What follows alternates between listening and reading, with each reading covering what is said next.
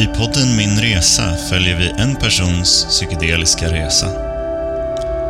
Detta samtal leds av Peder Fjällström från Nysnö.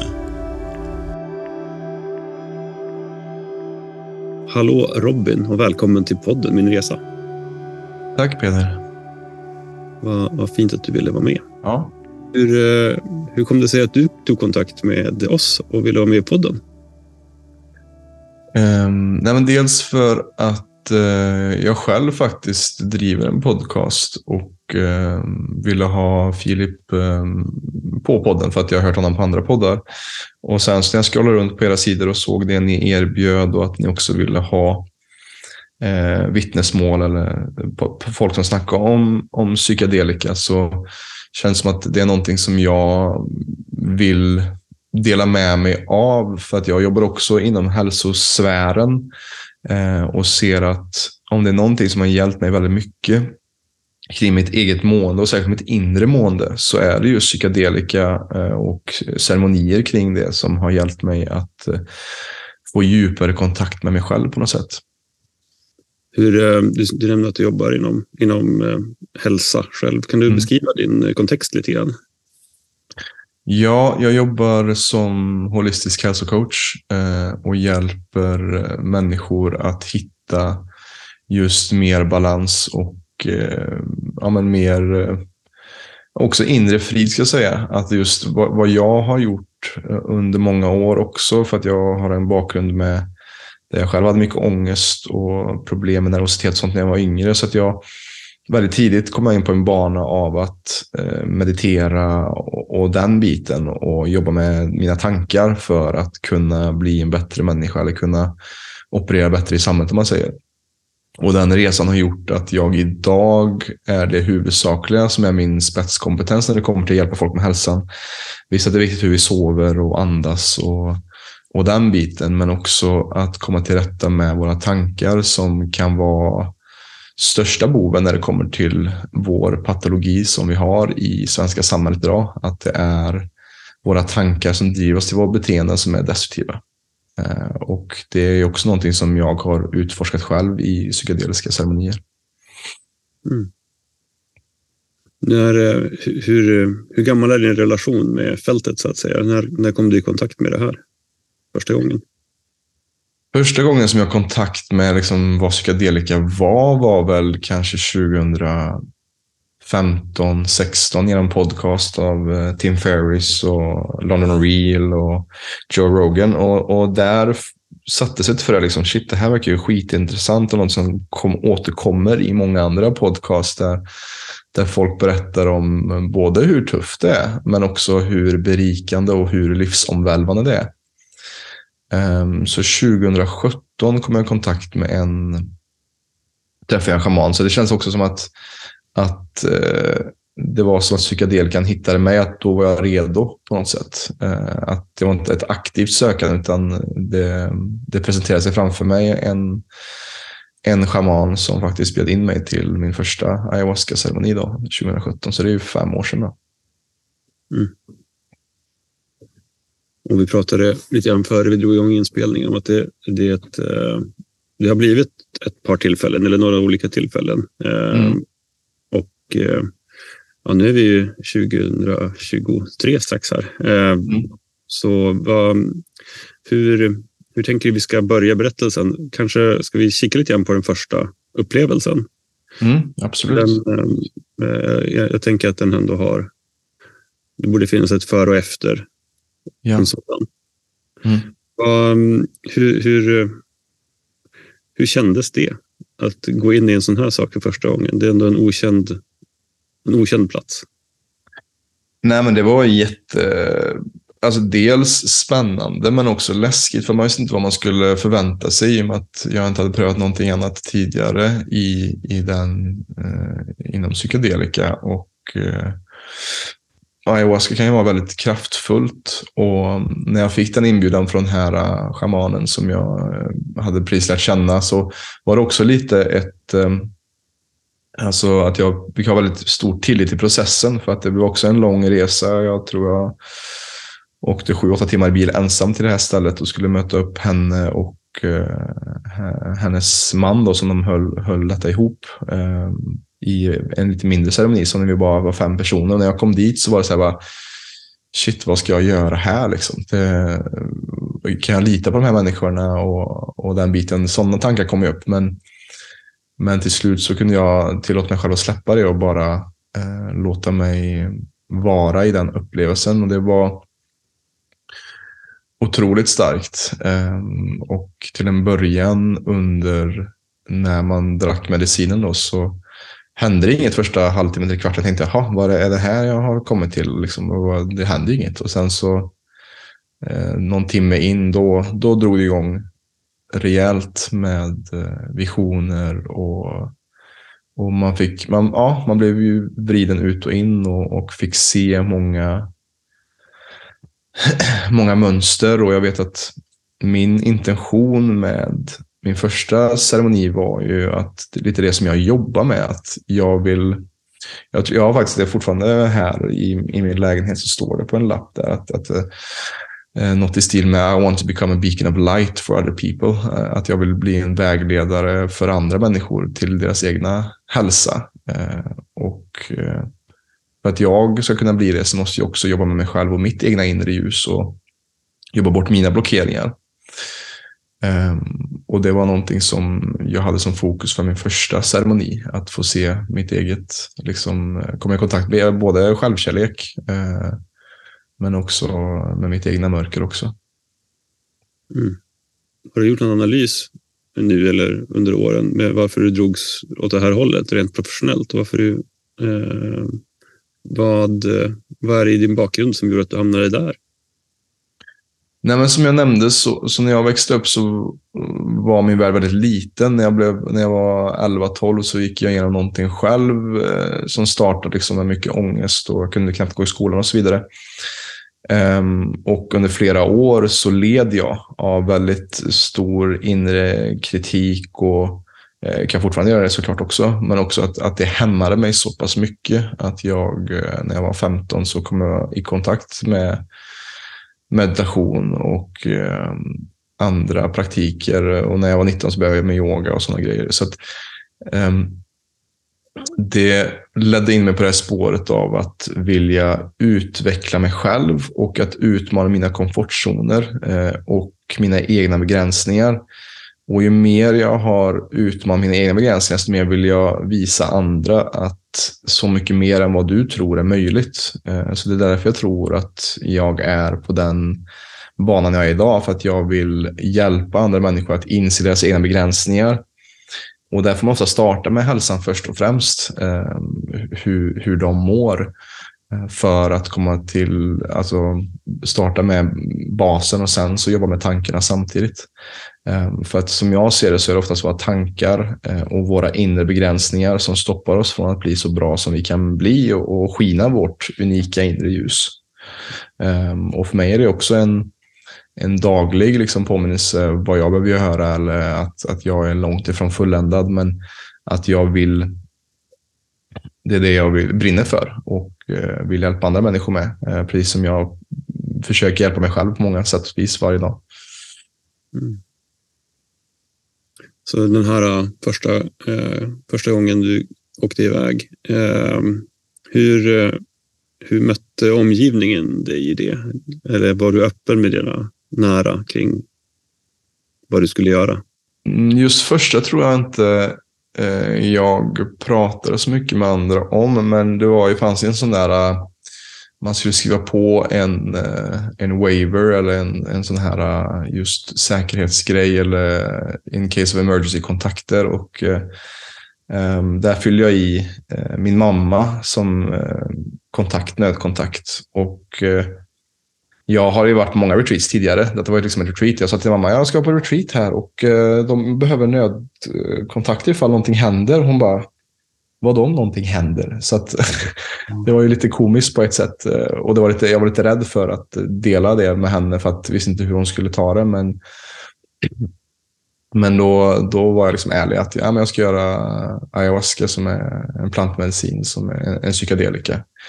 Um, och det var ganska skönt och befriande också att få, få dela det med någon annan. Att det inte var en stor hemlighet liksom också.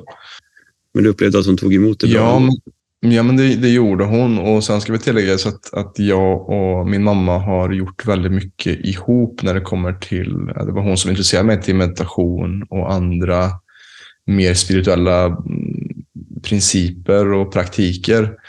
Um, så hon är ganska öppensinnad till, till alternativa metoder också, ska tilläggas. Så att hon var ändå öppen för att, att lyssna på vad det var och inte helt eh, stängd för att hon själv har prövat mycket olika andra saker inom till exempel österländsk filosofi och akupunktur och, och, och sådana saker.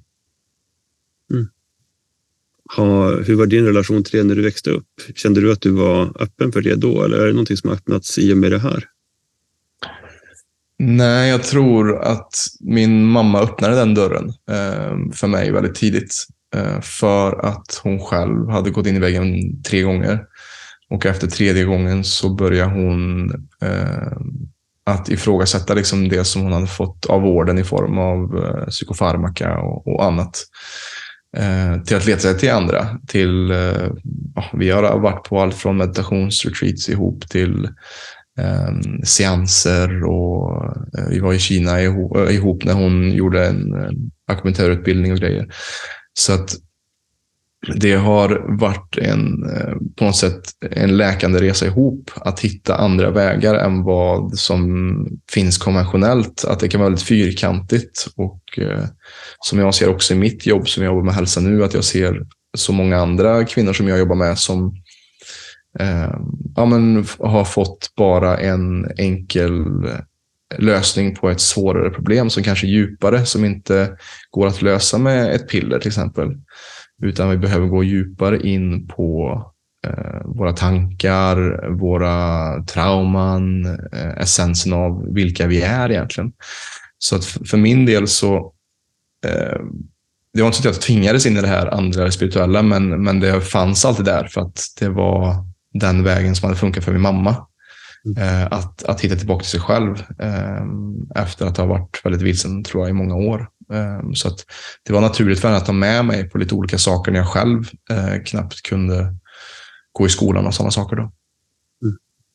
Alltså min, min första eh, tripp var också ganska, den var ganska, eh, som jag kommer ihåg, lite, också lite rörig. Eller det var så svårt att, att navigera mig själv i det också. Så det var, det var så stort liksom. Så att, um, och för mig är det nästan det viktigaste är ju inte själva resan i sig, utan det är ju själva integrationen efteråt. Och efter första gången så hade jag nog lite svårt att integrera till hur ska jag, hur ska jag översätta det här till mitt, till mitt liv, uh, tror jag. Så att det, det var lite en sån här um, en liten krasch skulle jag också säga i att man har upplevt och sett så mycket saker, men vad ska jag göra med det? Um, och där hade jag lite kontakt med, med shamanen efteråt, vad jag kommer ihåg nu i alla fall. Uh, men det var lite också så här, det var som en helt ny värld öppnade sig. Och sen så gjorde jag ju också under loppet, inom ett år så gjorde jag ju två till. Då, så då gjorde jag mina första tre ceremonier gjorde jag under ett, ett års tid. Um, så att jag kom tillbaka och gjorde det med dem igen då för att att komma djupare in i, i min egen inre resa. Mm. Den här senaste upplevelsen, eh, mm. som är snart ett år sedan. Hur, eh, när du gick in i den resan, vad, vad var det för intention du hade då som du ville jobba med? Hade du någon sådan? Min intention med, med den resan var att, eh, att hitta tillbaka lite till mig själv. Att eh, hitta mera, att komma i kontakt med min egen självkärlek. Eh, för att jag har tendens att bli väldigt kritisk eller att jag inte gör tillräckligt eller att jag inte är bra nog. Och för mig så mm, förra hösten var ganska tung eh, och jag har en tendens just under när det blir höst att, att eh, jag kan gå ner i tempo och då Eh, lägger jag också, jag har en tendens att lägga mitt självvärde i vad jag skapar. När jag inte skapar lika mycket, jag är inte lika mycket värd. Um, så när jag gjorde den i våras så var det mycket fokus på att just uh, komma tillbaka till min egen essens, min egen källa, mitt eget inre. Um, och komma i kontakt med självkärleken. Uh, och min egna kraft. Uh, och det var otroligt fint. Ehm, för att ibland kan det vara utmanande just de här resorna. Eh, men för min del var det eh, övervägande väldigt mycket positivt jag fick med mig från, från den, den upplevelsen. Och sen så är det klart, saker som är negativa ska ju vara det för att det är något man vill kolla på. Men just i den här resan så eh, fick jag bekräftelse liksom på att jag är på rätt väg och att, att kunna vara lite snällare mot mig själv och eh, inte ta livet så hårt och seriöst jämt. Eh, det var nog det jag fick med mig mest från sist resa. Så det var väldigt, väldigt behaglig resa som ayahuasca visade mig. Eh, vart jag behöver rikta mitt fokus ungefär. Ehm, så det kändes som en liten som en pånyttfödelse på många sätt och vis. Ehm, att eh, komma tillbaka till min inre kraft helt enkelt. Det, det, det, är alltid intressant att tänka på hur människor som inte har haft en sån upplevelse eh, lyssnar på en sån berättelse som du just beskriver, som ju låter väldigt givande. Mm. Men det, eh, hur skulle du hur skulle du säga att, att det var det som kom ur din resa? Vad var det du faktiskt upplevde under de här timmarna? Det där är en jättebra fråga. Um, dels så såg jag väl liksom visioner av vart jag var på väg. Ehm, att, att jag såg liksom, jag fick en tydligare kompassriktning framåt kändes som just då. Och eh, jag kände väl också en, en väldigt djup kontakt med min egen kropp och mitt eget andetag. Väldigt närvarande i allt som skedde. Um, och där jag också kunde bearbeta saker som, som skett eh, under den här perioden där jag kanske var lite låg och, och se att det hade sin plats eh, i det också.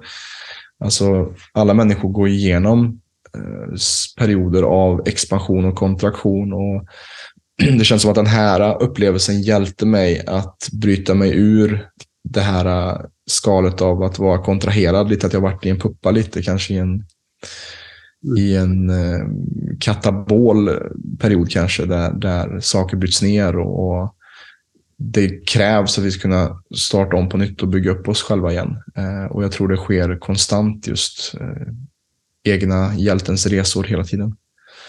Ehm, men eh, ja, det är en bra fråga och det, det, det är så svårt också att, att, förklara på något sätt för någon som inte har varit med om det. Vilka känslor kände du under resan? Otrolig eh, kärlek, alltså otrolig eh, värme. Um, och en, en kärlek som är svår att eh, beskriva och när man väl är i kontakt med det så känner man att det här är äkta kärlek. Det här är äkta um, en, en, en renhet på något sätt och att man också inser att vi ständigt är på jakt i vår materiella värld eller eh, efter, efter kärlek från det yttre, från eh, att få eh, bli ansedda på ett visst sätt eller i, i andra människor. Och, och, för min del, vad jag kommer tillbaka till när det kommer till plantmedicin är ju att, att kärleken är ju det som finns inom oss alltid. Och att det är inte någon utanför oss som ska fixa oss eller rädda oss, utan det är upp till oss att kultivera den här känslan. Och, och för mig blir det också som att de här, den här, eh, det som frågar vad jag kände, alltså djup kärlek och till mig själv, är att det ger mig en referensram. Alltså också vad plantmedicin har gjort mig också är en, en bättre referensram på att andas djupt till exempel. I min första ceremoni så öppnar det upp mitt andetag på ett helt annat sätt. Att jag kan komma djupare in i meditation lättare eh, med hjälp av andetag. För att det öppnar upp någonting inom mig. Det är svårt att förklara. Eh, men att det blir som att varje ceremoni ger en någonting och ger en en liten referenspunkt eller referensram som, som alltid kommer vara med en. Att det, man får en bit av, av pusslet, känns som. Om, det, mm. om du förstår vad jag menar. En jättefin beskrivning. Mm. Um, jag tänker också att det handlar, i alla fall för mig handlar det mycket om en påminnelse. Mm. Att, just ja, Ja. Det här det handlade om. Ja, exakt. Att, att det finns någonting, någon sorts urgrej som man kan glömma bort i vardagen. Ja, Och så kommer det någon sorts recept och så bara, just det, jag exakt. har gått vilse igen. Det var, ju- jag, jag är inne på fel spår. Eller Mm. vad dum jag var. Åh, vad fin jag är. Då kan man gå vidare. Ja. Påminnelsen är, eh, om någonting eh, o, okonstlat, någonting rent. Jag vet inte riktigt vad Ja. det är för. Men jag tycker om din beskrivning jättemycket. Mm. Så eh, nu några år efteråt, har du, känner du att du har ett större nätverk av människor som du pratar med om det här? Eller, eller är du fortfarande lite alena i, i integrationen? Nej, men alltså jag har... eh, Ju mer jag har vågat öppna upp mig, och, och det ser jag som en princip i livet också, ju mer, upp, ju mer jag vågar vara mig själv, eh, vilket också psykedelika har också hjälpt mig att vara med mig själv, desto mer attraherar jag också in människor som är sig själva. Och, och, ju, och med det då så, så är jag ju, har jag lättare att prata om mina upplevelser med andra människor, vilket gör att jag också drar till mig andra människor. Och, ehm, jag skulle säga också en annan kvalitet på de personer jag möter. För att ju mer jag står i min kraft och står i min egen autenticitet och försöker vara mig själv, desto mer kan jag eh, också sålla människor som kanske inte är där eller som, som jag kanske inte har så mycket gemensamt med eller som är mer kanske på ytan. Eh, så jag tror att eh, det är också psykedelika hjälpt mig med att, med att våga vara mig själv, även fast det kan vara, fortfarande vara läskigt ibland att vara sig själv helt och fullt. Men att eh, jag också har eh, många vänner som jag kan prata med om och som också har eh, jag delat upplevelser med eh, kring detta. Och eh, det är också någonting som är otroligt bondande att göra ihop med någon. Att, att göra sådana här resor ihop. Att, eh, att eh, ja, men ta ett åtagande att, att ta, vara introspektiv till sitt eget liv. För att det, det, det är inte lätt alltid att göra det. Att det, det krävs ett mod och eh, att man också är beredd på att ens ego kommer kanske bli sönderbrutet. Eh, vilket många inte kanske är beredda på att göra. Mm, ja, den här processen av att sätta ord på vad man var med om eh, för, Mm. för andra. Eh, den är ju viktig. Vi, eh, det känns som att man har ett behov av en sorts grupp efteråt som man kan stöta och blöta det man var med om. Och utan Mm. det blir det lite ensamt och lite vilset. Men det låter som att, det, att du har hittat en sån klick. Ja, absolut. absolut. Um, också nyfiken på, eftersom det här har eh, pågått några år, det här intresset Mm. och utforskandet. Finns det några mönster som du kan se i, i upplevelserna eller mönster i dig själv som du eh, som återkommer, som du jobbar med under resorna? Mm.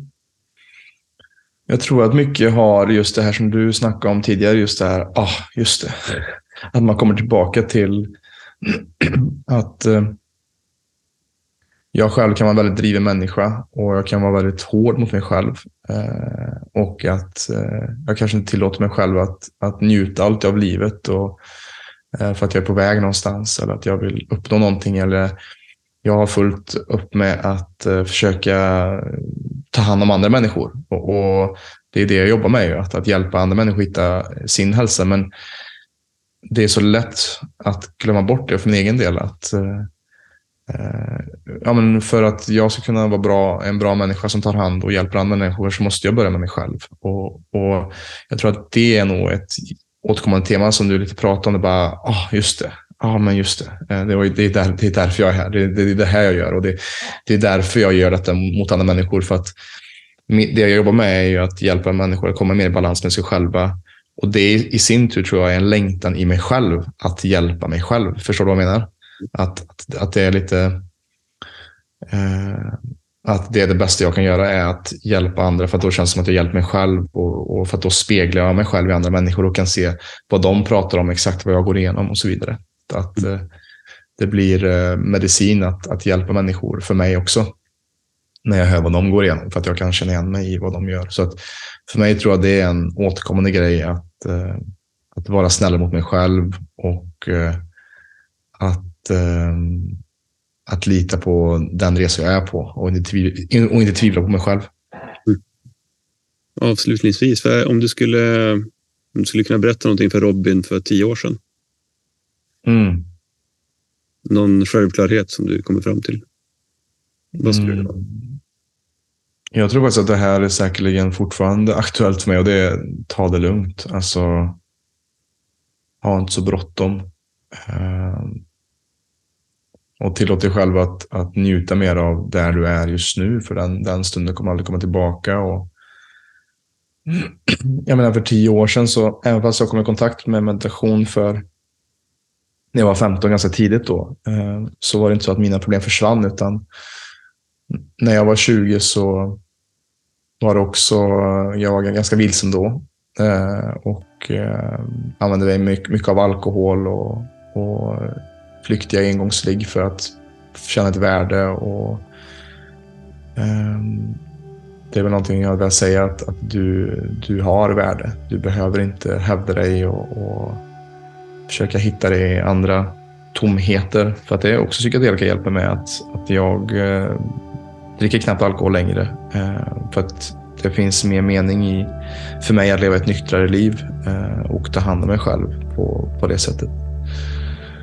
Ehm, så det finns väldigt mycket som jag skulle vilja säga till min 20-åriga jag, tror jag.